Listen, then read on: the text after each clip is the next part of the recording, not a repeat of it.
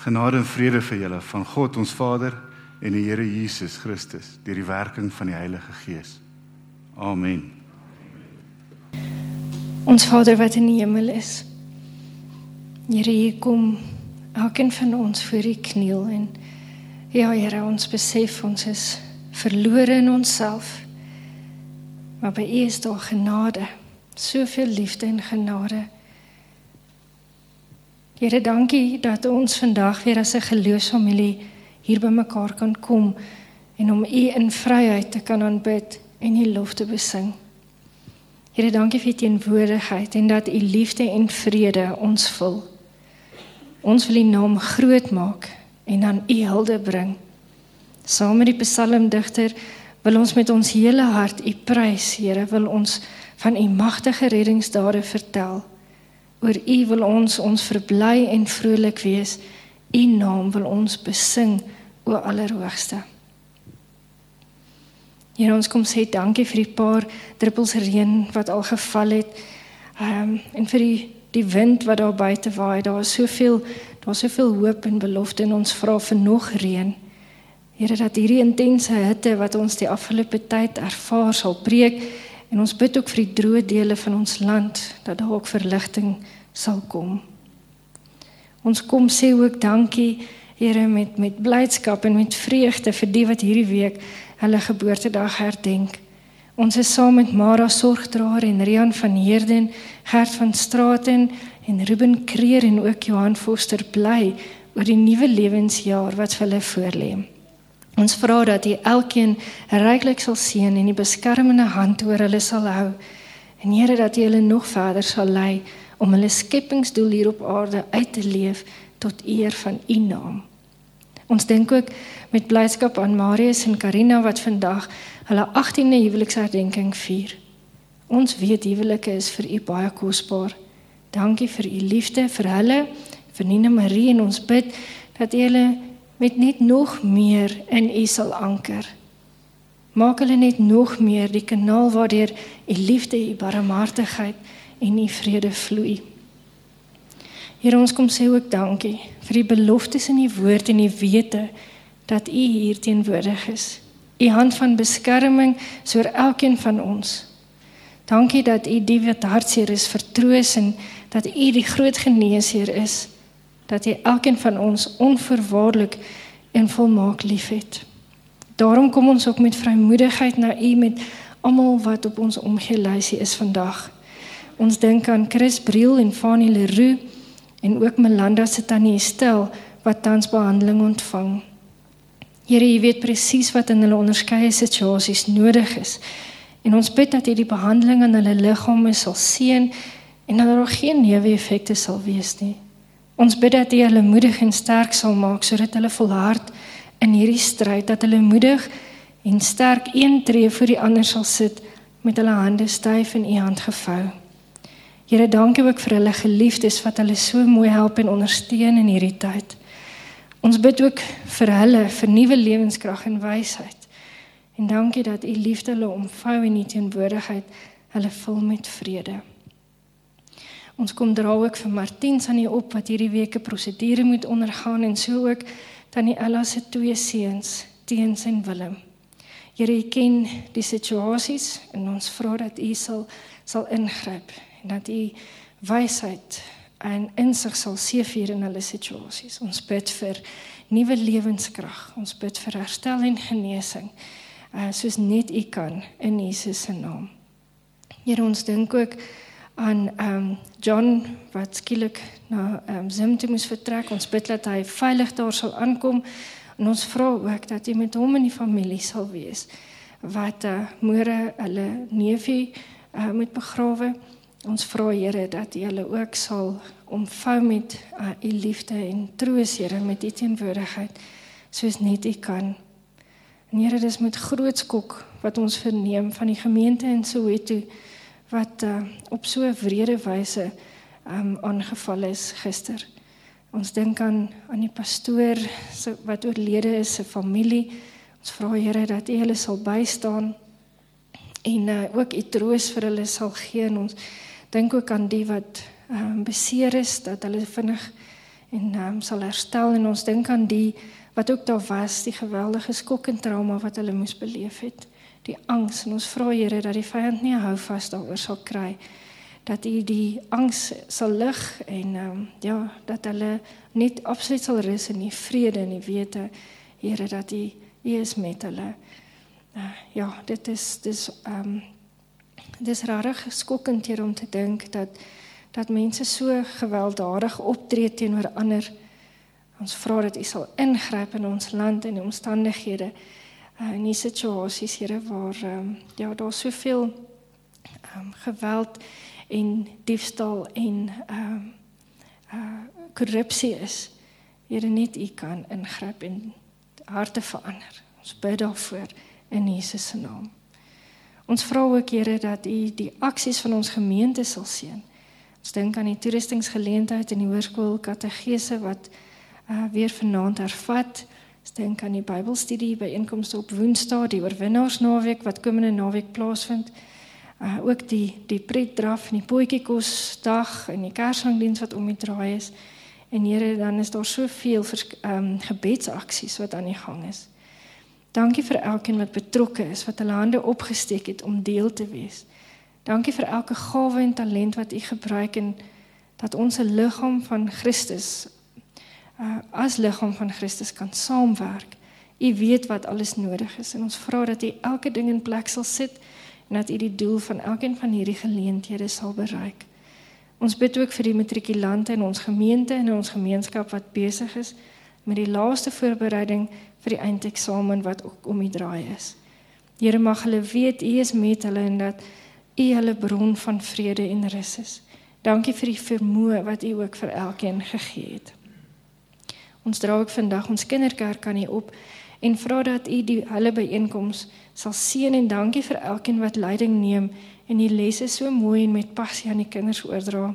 Dankie vir elke kinderhart wat wil hoor en deelneem. En Here, ek wil ook elkeen wat hier sit en aanlyn inskakel aan U opdra. U ken ons gedagtes, ons bekommernisse en ons seer. En ons vra dat U elkeen sal bemoedig, vertroos en toerus met U woord vandag. Seën en bemagtig asseblief vir Christian om U boodskap aan ons oor te dra en maak ons harte en gedagtes oop en ontvanklik daarvoor. Dankie dat ons al hierdie dinge van U kan vra en ons bid dit in die naam van ons verlosser Jesus Christus. Amen. So gemeente, ons het ehm, 'n uh, stukkie uitgestuur uh van Matteus van vers 10 tot 4 en 34 tot 39. Maar dis nie waarna ons nou eers gaan kyk nie. Ehm um, dit is die deel waar ek wil eindig, die deel waar ek moet begin, het ek nie noodwendig gestuur nie. Dit was uit Jona uit. Ehm um, en dis iets wat ek uh, wat ek op my hart gedruk voel om te deel. Dit is die hele boek van Jona. Ehm um, Ek gaan stukkies uit dit vir julle uitgee. Dit is uh so aangehaal en dan so stukke waar uh waar ek so skiep na die volgende punt toe. Die belangrike ding waar ons hier praat vandag is keuses. So ek wil julle luister oor keuses wat geneem word en en hoe daai keuses uh ons affekteer. Ehm um, ons gaan begin uit Jona 1 uit. Ek het die 83 vertaling gebruik. En hy het natuurlik 'n opskrif. Dit begin met U is die Here, U doen wat U wil die woord van die Here tot Jonas seun van Amittai gekom. Maak klaar, gaan na die groot stad Ninive toe en spreek hom aan, want ek weet hoe sleg hy is. Maar Jona het klaar gemaak om na Tarsis toe te vlug, weg van die Here af. Jona is Joppe toe en hy het 'n skip gekry wat op vertrek was na Tarsis toe. Hy het vir die reis betaal en aan boord gegaan om saam met die bemanning Tarsis toe te gaan, weg van die Here af. Maar die Here het 'n kwaai storm oor die see laat opkom Daar was 'n baie sterk wind oor die see en die skip wou uitmekaar breek. Die matrose het bang geword. Elkeen het tot sy God geroep om hulp. Hulle het die vrag van die skip al uh, van die vrag van die skip in die see gegooi om die skip ligter te maak. Maar Jona was onder die skip waarin hy afgegaan het om te gaan slaap. Hy het vasgeslaap en die kaptein het na hom toe gegaan en vir hom gesê: "Wat is met wat is dit met jou dat jy lê en slaap? Staan op en gaan bid tot jou God." Miskien sal hy aan ons dink en dan sal ons nie vergaan nie. Toe sê die manne vir mekaar: "Kom ons trek loetjies sodat ons kan uitvind oor wie hierdie ramp ons tref." Hulle het loetjies getrek en Jonas toe aangewys. Toe vra hulle hom: "Vertel ons tog waarom hierdie ramp ons tref. Wat werk jy? Waarvandaan kom jy?" Uit watter land en watter volk is jy? Jona het hulle geantwoord: Ek is 'n Hebreër. Ek dien die Here God van die hemel en wat die see en die vasteland gemaak het. Die man het baie bang geword en vir Jona gesê: "Wat het jy nou aangevang?" Hulle het te wete gekom dat hy van die Here af wegvlug. Jona het dit self hulle vertel. Toe vra hulle hom: "Wat moet ons met jou maak dat die see weer rondom ons kan kalm word?" Die see het ondertussen nog onstuimiger geword. Jona het hulle geantwoord: "Vat my en gooi my in die see, dan sal dit kalm word rondom julle, want ek weet dit is vir my dat hierdie groot storm rondom julle woed." Die manne het hard geroei om weer by die vasteland te bereik, maar hulle kon nie, want die see het al hoe onstuimiger geword rondom hulle. Toe bid hulle tot die Here en sê: "Ag Here, moet tog nie dat ons vergaan oor hierdie man nie. Moet tog nie ons iemand omdat ons iemand onskuldig doodmaak nie. U is die Here. U doen wat u wil." Hulle vat toe vir Jona, gooi hom in die see en die storm op die see het toe bedaar. Die manne het toe baie bang geword vir die Here en hulle het hom 'n offer gebring en geloftes afgelê. Toe stuur die Here 'n groot vis om vir Jona in te sluk en hy was vir 3 dae en nagte in die vis se maag. Dan gaan ons na hoofstuk 2 toe. In hoofstuk 2 bid Jona na die Here toe terwyl hy in die vis se maag is en hy hy prys ook die Here in daai tyd en aan die einde dan spoeg die vis hom uit. Dan gaan ons na hoofstuk 3 toe. Uh van vers 1 af. Die woord van die Here toe tweede keer na Jona toe gekom. Maak klaar en gaan na die groot stad Ninive toe. Spreek hom aan met die boodskap wat ek jou sal gee. Jona maak toe klaar en gaan Ninive toe soos die Here hom beveel het. Ninive was 'n groot stad. Mense 3 dae gevat om deur daai stad te stap. Jona die stad ingaan en 'n dag lank daar rondgestap en toe roep hy: "Nog net 40 dae en Ninive word verwoes." Die mense van Ninive het toe in God geglo en 'n dag aangekondig om te vas. Groot en klein het rouklere aangetrek. Die berig het ook by die koning van Ninive uitgekom en hy het van sy troon af opgestaan, sy koningsklere uitgetrek, rouklere aangetrek en op 'n ashoop gaan sit. Hy het in Ninive laat proklameer. Die koning en sy raadgewers beveel dat mens, dier, grootvee, kleinvee aan niks mag proe nie. Dat hulle al dat hulle niks mag eet nie en nie water mag drink nie.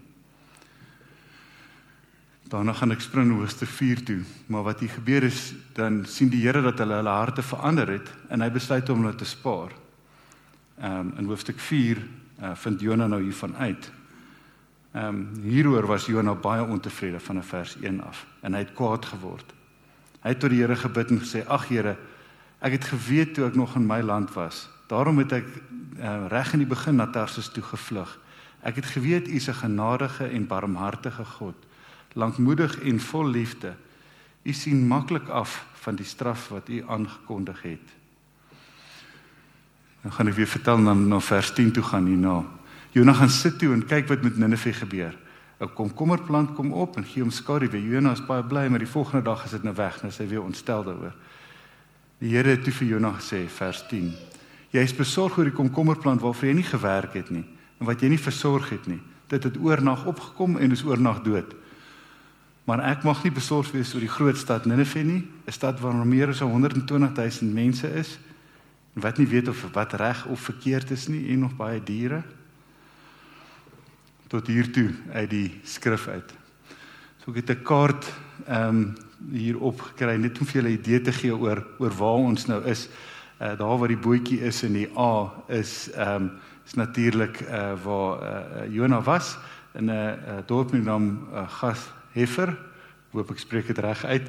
Ehm um, en hy is af Joppe toe en hy het 'n skip gevat heeltemal daar aan linkerkant toe, daar wil hulle sê Tarsis. Dis daar by Gibraltar, by die stryd van Gibraltar aan die Spanje kant, vermoed hulle. En natuurlik ehm um, die Nineve is daar waar Mosul vandag is in Irak, Noord-Irak. Soos julle kan dink nou nie die lekkerste plek nou nie. Ek weet nie hoe dit toe was nie, miskien 'n bietjie beter geweest. Ehm um, So 'n bietjie agtergrond hier uit. 'n Naam vertel mens nogal baie van iemand, né? Jonas se naam beteken duif, né? Of in Engels 'n uh, pigeon of dove, né? So sagmoedig, ehm um, 'n vrede. Mens mens nogal mens verwag dit nou nogal van hom. Ehm um, maar in sy karaktertrekke ervaar ons hom nie so nie, né? Ons ervaar hom as hardkoppig en niemerig en 'n uh, bietjie emosioneel en selfgesentreerd en ook nasie gesentreerd, né? Nie noodwendig uit 'n uit 'n liefdesoogpunt nie. Ehm um, Hy was natuurlik 'n profeet geweest, so 'n volksleier en hy was so 600 700 voor Christus het hy uh, was hy in uh, in Israel geweest. Hy's ook een van die enigste profete, um, as jy in die Ou Testament kyk wat eintlik gevra is om met 'n heidene nasie te praat, um, om vir hulle boodskap te gee. So dit nie gereeld sien nie. Ehm um, daar was 'n paar wat dit mee gebeur het, maar dis bitter selde. Ehm um, en natuurlik was hy was hy 'n leier gewees, so hy het uit redelik aansien daar gehad. En nou kan jy dink hy's nou 'n leier van Israel en jy het hierdie Assiriërs wat eintlik jou vyande is, wat elke nou en dan kom om jou beeste steel, jou stede aanval. Ehm um, en nou moet jy vir hulle gaan 'n waarskuwing gee dat dat hier gaan 'n verwoesting hulle tref en as hulle dan nou uh, hulle bekeer dan dan gaan hulle gered word. So jy kan hoor Jona dink nie hierdie is 'n great plan nie. Hierdie steek hom so dwars in die krop. Hy hy het eintlik 'n ander plan. En natuurlik kies hy dan om weg te hardloop, né? Sy keuse is nie om die Here se woord vir hom te volg nie. Hy volg sy eie pad. En hy hardloop al die pad in die rigting van Spanje. Nou Spanje is nice. Soos ek dink dit is seker redelik aangenaam geweest in daai tyd ook in Mosul uh, in Irak nie noodwendig so great nie. So Ehm um, ja, miskien miskien is dit nie die slegste roep vir hom nie, maar ek dink in terme van nie gehoorsaam wees aan uh, God se woord nie, dit is uh, dit is nie slim nie. Ehm um, so uh, hy maak hierdie roep en hy's in die see en hier kom hierdie groot storm. Na gesukkel nadat die ehm um, ander matrose eintlik met die inligting uit hom uittrek, kom hulle agter nee, dis eintlik hy is die probleem en hy erken dit dan ook Ehm um, en hy besef dit is nou maar eintlik sy skuld dat as dit nou gaan verkeerd gaan hier dat dit so verkeerd gaan. So hy kies toe, hy sê vir hulle nee, gooi my in die see. Maar jy kan hoor die matrose is nou nie heeltemal seker van hierdie feit nie want hy het erken dat hy 'n dat hy 'n profeet is. Met ander woorde hy behoort aan die Here. Ehm um, hy is uitgesonder so hulle is nou nie seker wat gaan gebeur as hulle hom nou in die water gooi nie want dit kan dalk nou, nou erger raak as hulle nou hierdie roep maak. So hulle probeer nog eers land toe gaan vir 'n rukkie voordat hulle dan nou uiteindelik dit doen. Ehm um, en wat dan hier gebeur is baie interessant om te dink hierdie man se liggaam tref die water en ewe skielik bedaar die see. Ehm um, dit moes iets wees om te sien. Ek dink um, ons kan dit almal verbeel, ons het so baie TV movie shows met superheroes wat nou al hierdie goeters kan doen en weerlig gooi en alles. Ek dink ons word so bietjie gedesensitiseer vir dit.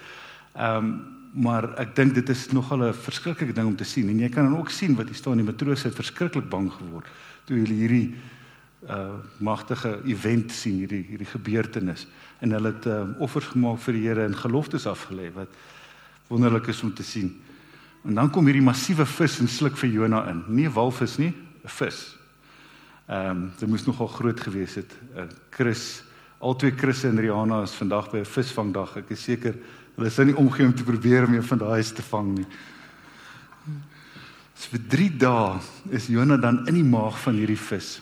Ehm um, en nommers is belangrik in die Bybel, né? 3 kom 467 keer voor.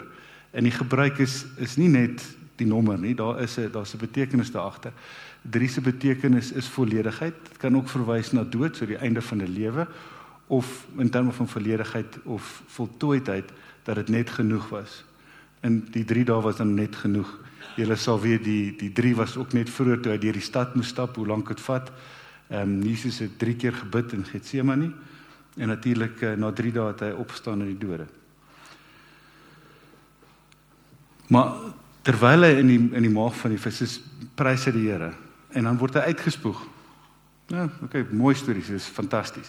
Maar die Here moet weer met hom praat. Hy moet wag vir die tweede boodskap. Hy het nou nie geleer, o oh, nee, hy het nou sy draai gemaak nie. Hy het nou sy ding gedoen en toe wag hy nou daarso en hy het nou besluit hy gaan nou eerder nie nou iets doen nie want hy gaan nie nou na Nineve toe gaan nie. Hy het mos nou deur die prosesse gaan. So die Here moet weer met hom praat en hom sê, "Hey, dis ek wil jou met die woord gee." Ehm um, so hy's hardkoppig, né? Hy hy maak dit regtig moeilik. It's amazing. Hy's ook maar net 'n mens.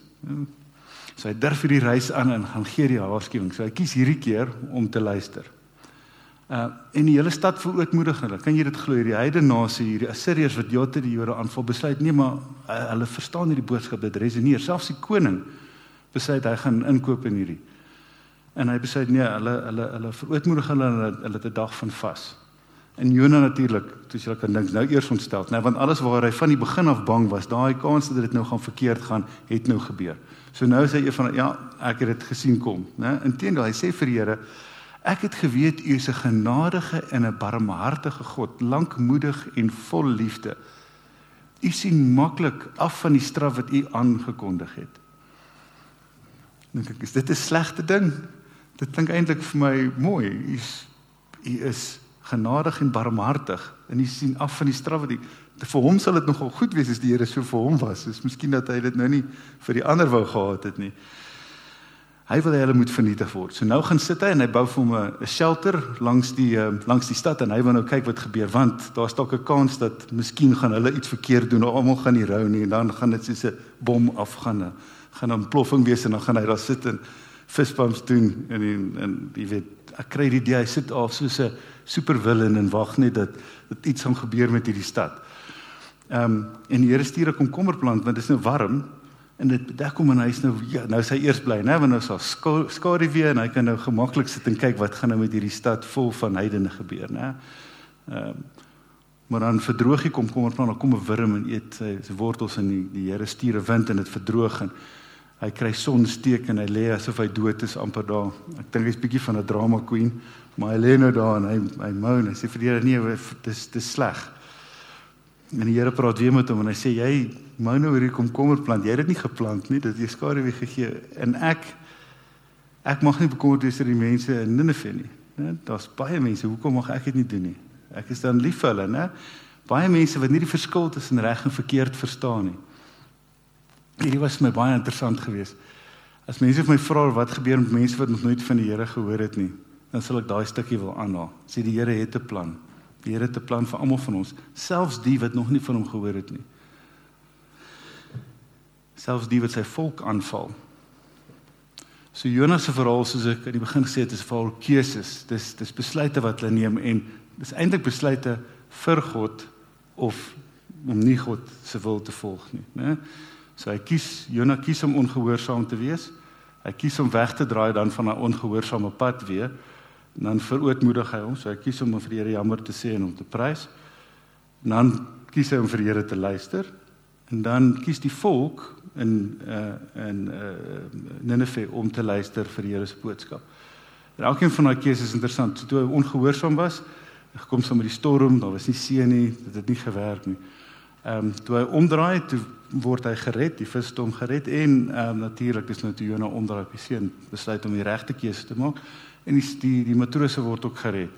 Te kies om gehoorsaam gehoorsaam te wees, toe kon hy die boodskap oordra aan Nineve en hulle word toe nou ook gered. Hulle kies ook om gered te word. So al die keuses is keuses vir die Here.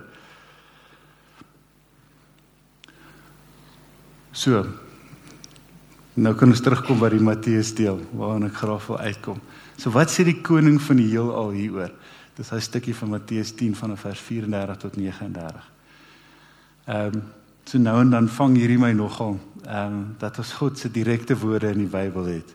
Terwyl Jesus saam op aarde was, by ons het ons aanhalinge van dit wat hy sê, hoe hy voel. Ehm um, ek dink dis een van die wonderlike dinge in die Bybel is dat ons kan daai daai verhouding met die Here bou, want ons kan hoor wat sy hart is vir ons. Ons kan hoor hoe hy dink, ons kan hoor wat hom hartseer maak, wat hom bly maak. So Matteus 10 van vers 34 tot 39. Die opskrif hier is dis weer uit die 83 vertaling en ehm um, Jesus bring nie vrede nie, maar die swaard. Moenie dink dat ek gekom het om vrede op aarde te bring nie. Ek het nie gekom om vrede te bring nie, maar die swaard. Ek het gekom om tweedrag te bring tussen 'n man en sy vader, tussen 'n dogter en haar moeder, tussen 'n skoondogter en haar skoonmoeder. Ja, 'n man se huismense sal sy vyande wees. Hy wat sy vader of moeder liewer het as vir my, is nie werd om aan my te behoort nie.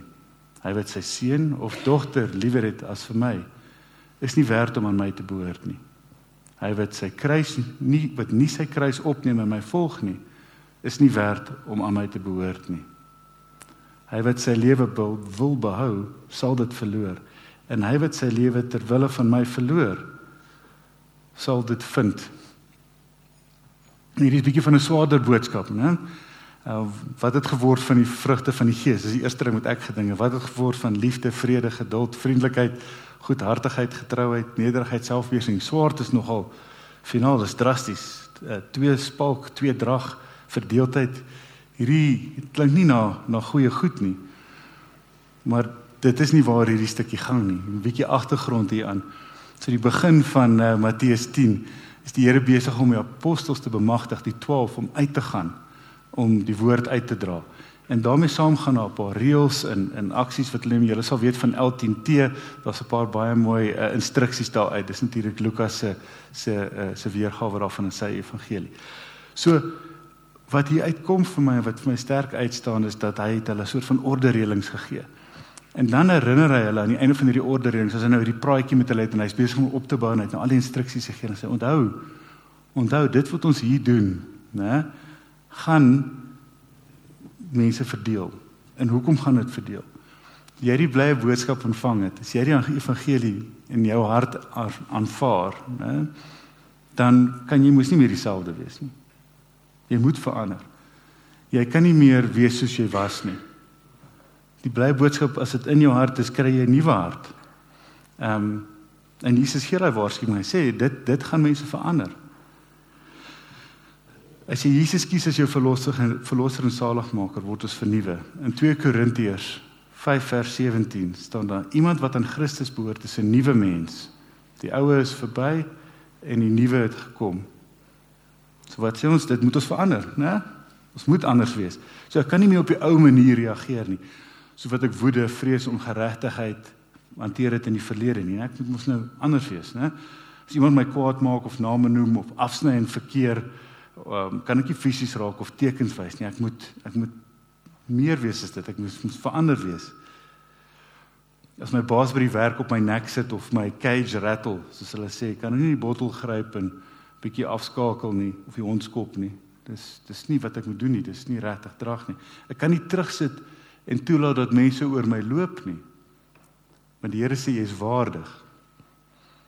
Ek kan nie 'n valse identiteit ek kan nie in die valse identiteit funksioneer dat ek nie goed genoeg is nie, want die Here sê jy is waardig. Ek kan nie ou koeie uit die sloot gaan opgrawe in situasies nie. Ek moet vergewe op God se manier.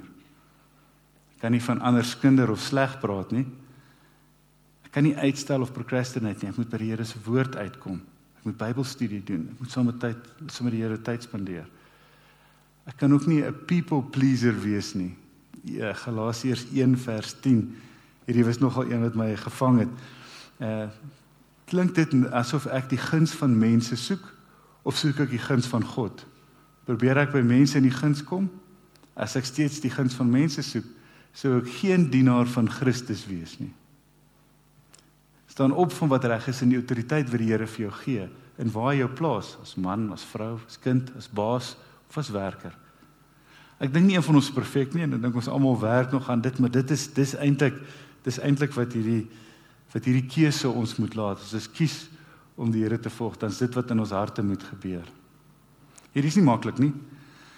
Van hierdie eienskappe vereis dat ons moet braaf wees of selfs konflik moet veroorsaak of in konflik kom maar ons moet dit hanteer en ons hanteer dit natuurlik in liefde, né? Want dit spreek dan van die vrug van die Gees. Waar ons werk in sosiaal verkeer is nie altyd aanvaarbaar om uh die evangelie te deel nie. Veral nie vandag waar die waarheid so 'n vreemde ding is nie. Ek haal dit aan, julle sê hierdie al gehoor het. As dit waar is vir jou, dan is dit die werklikheid. Dis hiervoor waarvoor Jesus ons waarsku. Hierdie keuse wat ons maak vir hom sny soos 'n swaard waar gesinne en families nie een is nie, kan hierdie besluit verdeeldheid bring. Ons hoor getuienis daarvan in die vervolgde kerk. Familielede wat vir Christus aanvaar in 'n familie word vervreem. Ons het uh, Gerard het uh, Gerard Kutsie het twee weke terug het hulle hier kom praat oor die vervolgde kerk en hulle het vertel oor van hierdie um, ander ander gelowe as een van die familielede Christendom aanvaar word hulle sommer in 'n kamer toegesluit en en hulle hulle word nie kos gegee nie totdat hulle nou oor dit kom nie. So dit is dis nie dis nie maklik nie. Ehm um, soms word hy heeltemal verwerp en soms erger. Dit was in Jesus se tyd waar en dis nou nog waar. Gelukkig is ons nie in daai situasie nie. By ons is daar 'n bietjie ander laag van weerstand, layers of resistance, né? So hoe hanteer ons dit? Politiese korrekte omgewing. Actions speak louder than words. Aksie spreek meer luidkeels as woorde. Nee, ek dink daai gaan nie werk nie. Ek sê jou gedrag. Kom ons gaan met daai ene. Dis nou nie my beste vertaling daai nie. Maar wat moet gebeur is jy kan nie 'n stad op 'n berg wegsteek nie, né? Matteus 5 vers 14. Jy moet ook nie 'n lamp onder 'n emmer sit nie. Dis vers 15. Hierdie lig wat uit ons moet skyn, né, wat kom van daai keuse af as ons harte verander is. Dit is duidelik sigbaar vir die mense wat kyk. En dit moet met die wêreld gedeel word. Jou aksies en gedrag sal mense interesseer. Want dit is reg en dit is goed. Daarom sal hulle vra. Hulle sal nie kan help nie. Why are you different? Vertel my. Wat hoekom is jy happy? Wat wat wat sit dit werk? Ons is hier om om lig te wees en om sout te wees. En ons weet wat sout en lig doen, né? Dit maak alles beter. Dit verander dit die smaak. Ehm um, en dan dis die eerste stukkie wat ek aangaan het in vers 34 en dan wat hierna kom is 'n waarskuwing wat 'n soort van onder drie hoofde geplaas het. Ehm um, ek het dit soort van rolweg vertaal as hy wat die wêreld se bande belangriker ag as liefde vir God is nie waardig om aan God te behoort nie. Hy wat nie sy kruis opneem en Jesus volg nie, is nie waardig om aan God te behoort nie en hy wat sy lewe wil behou, sal dit verloor. So so wat sê die Here hier vir ons. Jy moet die Here jou God liewer hê as jou ma, jou pa en jou kinders. En as dit vandag was, sou hy seker bygevoeg het Toyota bakkie of Ford bakkie. hierdie klink vir my ernstig, né? So so hoekom sê Jesus hierdie? En interessant genoeg, hy sluit nie 'n man of vrou jou gade hier in nie. Ek gaan nou daarby kom. Jesus sê hierdie want jy moet hom liewer hê as enigiets op aarde. God is 'n God van orde. Hy is bo aan aan die wêreld, hy is in beheer van alles. Hy's aan die rangorde se heel heel eerste. Dit beteken nie jy kan nie jou ma en jou pa en jou kinders lief hê nie, dis ook belangrik. Maar die Here moet eerste wees. As hy eerste is, dan sal dit van jou afvloei en dit is vir die res ook belangrik wees en hulle sal ook die liefde ervaar. En dan oor die man en vrou, jy het 'n driedubbele band klaar met die Here met jou man en vrou. So julle is op 'n ander manier gekonnekteer. So Dit kom uit Prediker 4 vers 9 tot 12 uit. So Jesus sê as jy hom eerste stel, sal jy waardig wees aan hom te behoort. Geen ander aksies is nodig nie en ons weet dit, né? Ons is nie wetties nie. Ons geen van ons dade kan ons red nie.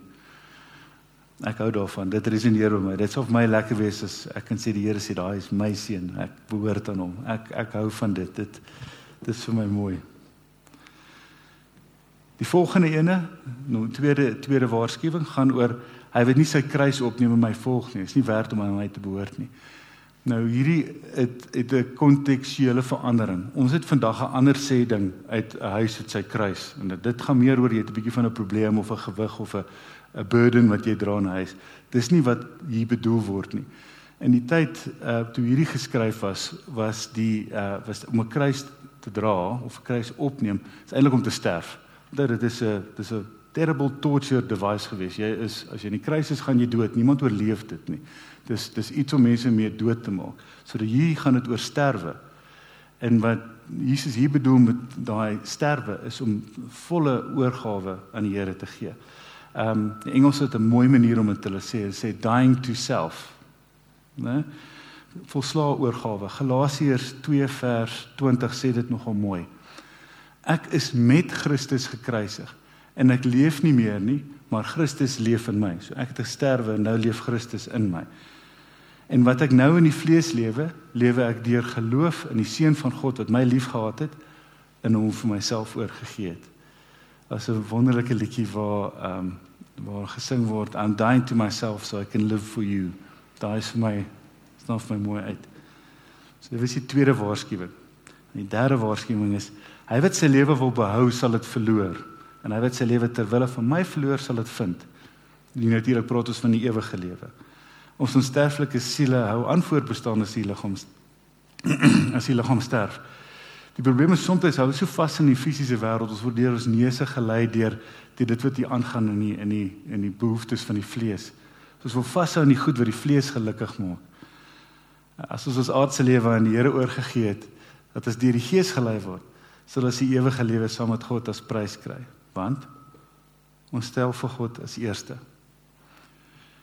So ter afsluiting, die keuse wat ons moet maak is om vir Jesus te kies. Maar die wonderlikste ding uit al hierdie is dat Jesus het al reeds vir jou gekies. Het jy dit geweet? You are chosen. Jesaja 49 vers 16 sê ek het jou naam in my handpalm gegraveer. Hè, die jy's so belangrik die Here het sy naam of jou naam op sy handpalm gegraveer. Hy weet wie jy is. Jeremia 1 vers 5 sê voordat ek jou in die moederskoot gevorm het, het ek jou geken. So voordat enigiemand al van jou geweet het, het die Here geweet wie jy is. En hy is lief vir jou. Hy kies jou nog voordat jy hom kan kies. Hy maak tyd om by jou stil te staan. Hy tree in vir ons sodat ons nie deur ons dade gered hoef te word nie, maar dat ons gered kan word omdat hy aan die kruis vir ons sondes gesterf het. Dat hy die losprys vir ons betaal het sodat al wat oor is vir ons om te doen is om hom te kies as ons verlosser en saligmaker. Dat hom eerste stel, maar die weet dat dit nie altyd maklik gaan wees nie, maar dat hy die pad saam met ons gaan stap en dat hy vir ons sal voorsien. Kom ons bid saam. Ons Vader in die hemel, Here, baie dankie Here dat U ons kies. Baie dankie Here dat U ons wil vat tot op 'n plek Here waar ons binne U seën stap, Here, dat ons U ook kies. Here, dat ons U wonderlike seën kan ervaar. Here, dat ons daai lig in ons kan kry, dat ons dit kan uitskyn en dat ander ook die liefde van wat U het kan ervaar, Here. Here, gee ons die wysheid en insig om om te kan hoor wanneer U praat. Dat ons kan onthou dat U vir ons lief is en dat U ons ook gekies het. En dankie Here dat U voorsien en vir U genade. Amen. Uitverkorene van God, die Here seën jou en hy bewaar jou. Mag sy aangesig oor jou skyn, mag hy jou genade bewys. Mag die Here se teenwoordigheid by jou wees altyd en mag sy vrede en genade in jou lewe wees. Amen.